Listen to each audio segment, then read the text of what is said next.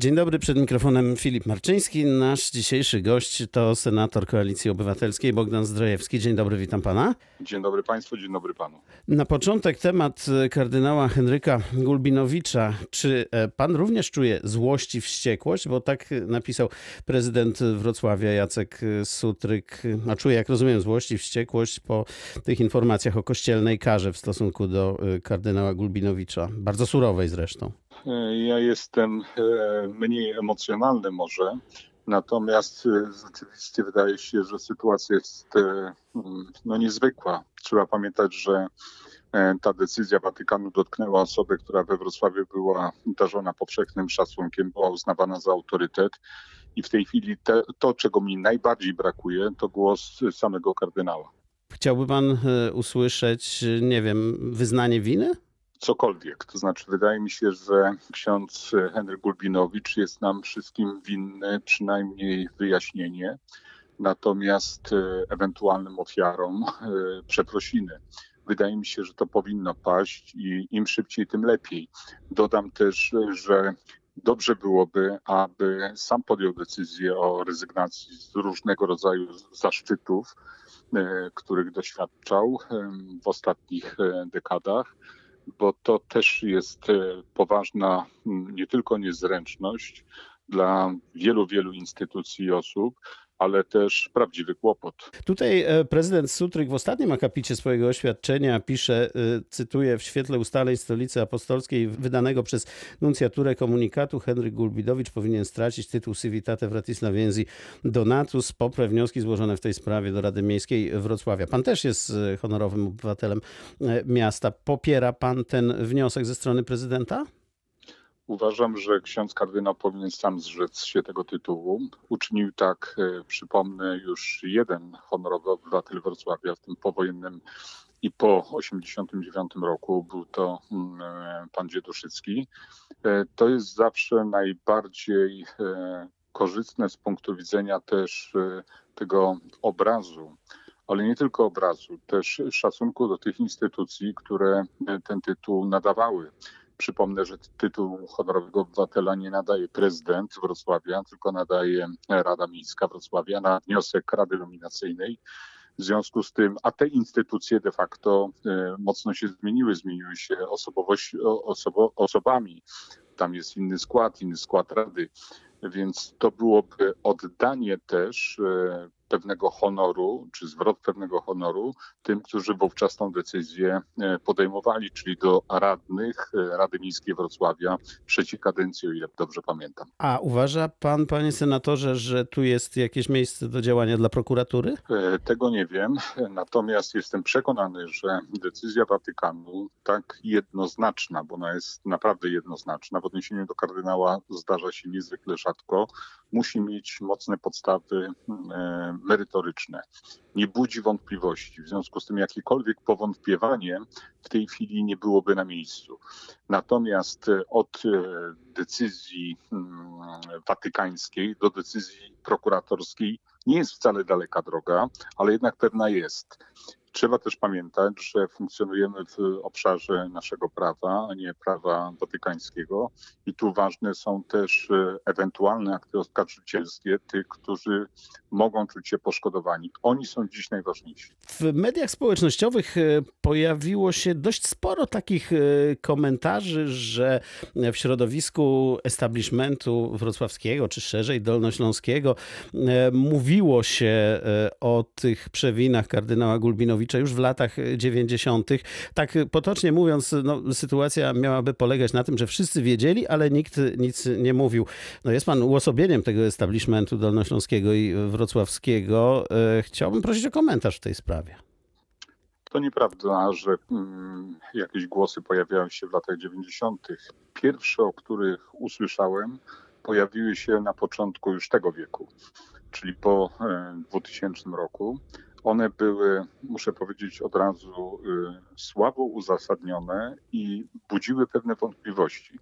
Natomiast y, według mnie, według mojej oceny, ci, którzy powinni sprawować pieczę nad takimi zdarzeniami, takimi informacjami, powinni działać szybciej. Od pierwszych sygnałów, czyli tak jak ja pamiętam, to był 2004 czy 2005 rok, 15 lat od tego czasu minęło i muszę powiedzieć, że hmm, to długi czas. No właśnie długi, to tak. Zbyt długi czas. To zbyt długi czas na to, aby sprawę tak długo ciągnąć.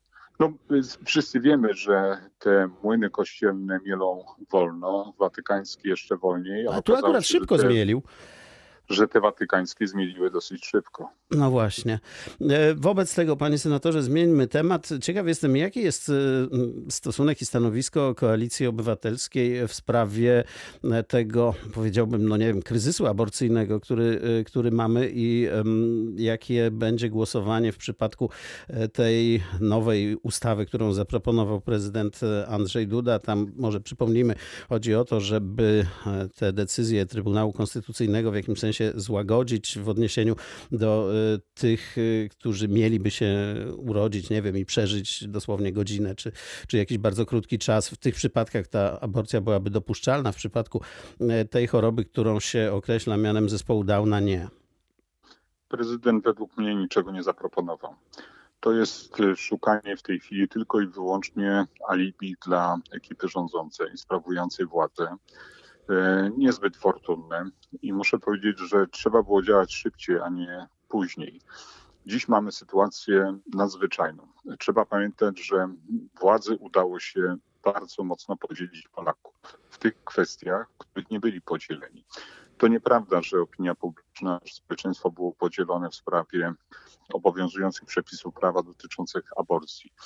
Owszem, znaczna część rzeczywiście uznawała, że ten kompromis aborcyjny jest już nieprzystający do XXI wieku z różnych powodów, przede wszystkim postępów medycyny, ale generalnie rzecz biorąc, większość Polaków uważała, że to nie jest problem i że tego kompromisu nie należy ruszyć.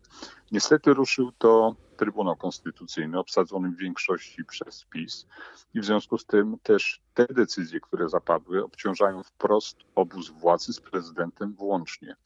I ja muszę powiedzieć, że w tej chwili szansa na to, aby w najbliższej perspektywie pięciu czy sześciu lat powrócić do kompromisu aborcyjnego, zmalała, nie wzrosła. I prezydent w tej materii już niczego pozytywnego według mnie nie uczyni.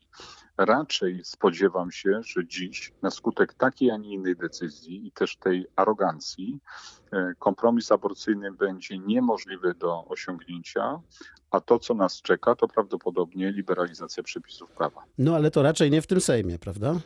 Nie w tym Sejmie, ale taka perspektywa w tej chwili się pojawia. Widać wyraźnie, że te protesty to są protesty nie tylko przeciwko decyzji e, Trybunału Konstytucyjnego, ale to są protesty, w których najwięcej e, poglądów dotyczących aborcji jest zdecydowanie bardziej radykalnych od tego, co mieliśmy w kompromisie. No tak, z całą pewnością. Natomiast z tą ustawą, e, no, nie wiemy jeszcze, czy ona będzie przedłużona, coś trzeba będzie zrobić. No i właśnie pytanie jednak, co, co państwo zrobią? Wydaje mi się, że ona nie będzie poważnie tak potraktowana. E, wydaje się, że jeżeli ona będzie rzeczywiście w obszarze e, pewnej debaty publicznej, to spotkają dość ostra krytyka, w tym ze strony opozycji. To nie może być tak, że ktoś, kto wylewa mleko, e, nagle prosi innych, aby przynajmniej część tego mleka zebrać. To nie jest możliwe.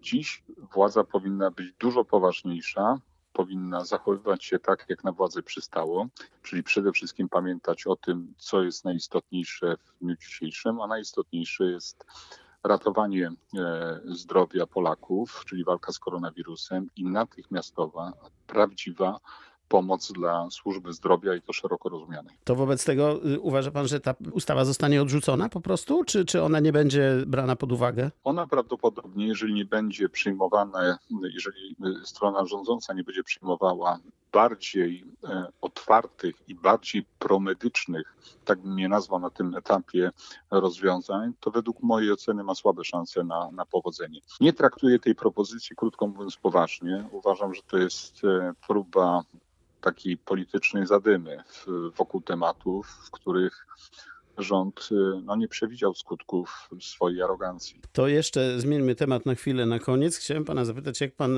przyjął no, tą prawdopodobieństwo graniczące z pewnością zmianę amerykańskiej administracji, jak to może wpływać na polską politykę? Prawdę mówiąc, przewidywałem sukces John Bidena. Wydawało mi się, że na skutek błędów poczynionych przez Trumpa w ciągu tej kadencji, mijającej kadencji, że będzie zmiana władzy. Byłem trochę zdziwiony, że demokraci zaproponowali jednak kandydata dosyć wiekowego, najstarszego mm, prezydenta, jak się okaże, w historii Stanów Zjednoczonych, ale o jednej rzeczy trzeba pamiętać. To jest niezwykle doświadczony polityk, współpracujący z bardzo wieloma e, podmiotami i osobami z świata polityki, nie tylko Stanów Zjednoczonych. Więc ja się spodziewam, że tu, jeżeli chodzi o politykę międzynarodową, rewolucji nie będzie będą poważne korekty, będzie e, zdecydowanie lepszy kontakt z instytucjami unijnymi, będzie kontynuacja współpracy z Polską e, w zakresie także tej współpracy obronności na przykład. z NATO, obronności z NATO. I tu nie spodziewam się żadnych negatywnych ruchów. Natomiast jeżeli chodzi o taką trochę chucpę propagandową, to ona rzeczywiście się zakończy, bo e, niestety obserwując e, aktywność prezydenta Donalda Trumpa w tych ostatnich czterech latach, widziałem, że tam wiele było właśnie takiej propagandówki, czysto propagandówki. Natomiast e, te realne działania wynikały przede wszystkim z wcześniejszych ustaleń, z wcześniejszych kryteriów. No, przypomnę dwie rzeczy kluczowe. Wizy nie zostały zniesione w tej powszechnej propagandzie decyzją Donalda Trumpa, tylko zostały zniesione przez Kongres Stanów Zjednoczonych, a Kongres w tej materii nie posługiwał się jakimś subiektywną oceną. Wskaźnikami. Tylko, tak, dokładnie tak, czyli y, konkretnymi y, danymi wynikającymi z lepszego funkcjonowania naszych obywateli poza granicami kraju, czyli szanowania długości wizy. I to koniec końców przyniosło pozytywny rezultat. Jeżeli chodzi natomiast o obecność wojsk amerykańskich i to powiększanie ich ilości, jakości przenoszenia dowództwa, to wynika z porozumień jeszcze przygotowanych przez prezydenta Bronisława Komorowskiego. To było po kryzysie e, i aneksji Krymu, po kryzysie tym e, rosyjsko-ukraińskim i to, wynik, i to jest realizowane zgodnie z pewnym planem. Mogę nawet powiedzieć, że skromniejszym planem niż to wcześniej zakładano, bo te, te działania są wolniejsze.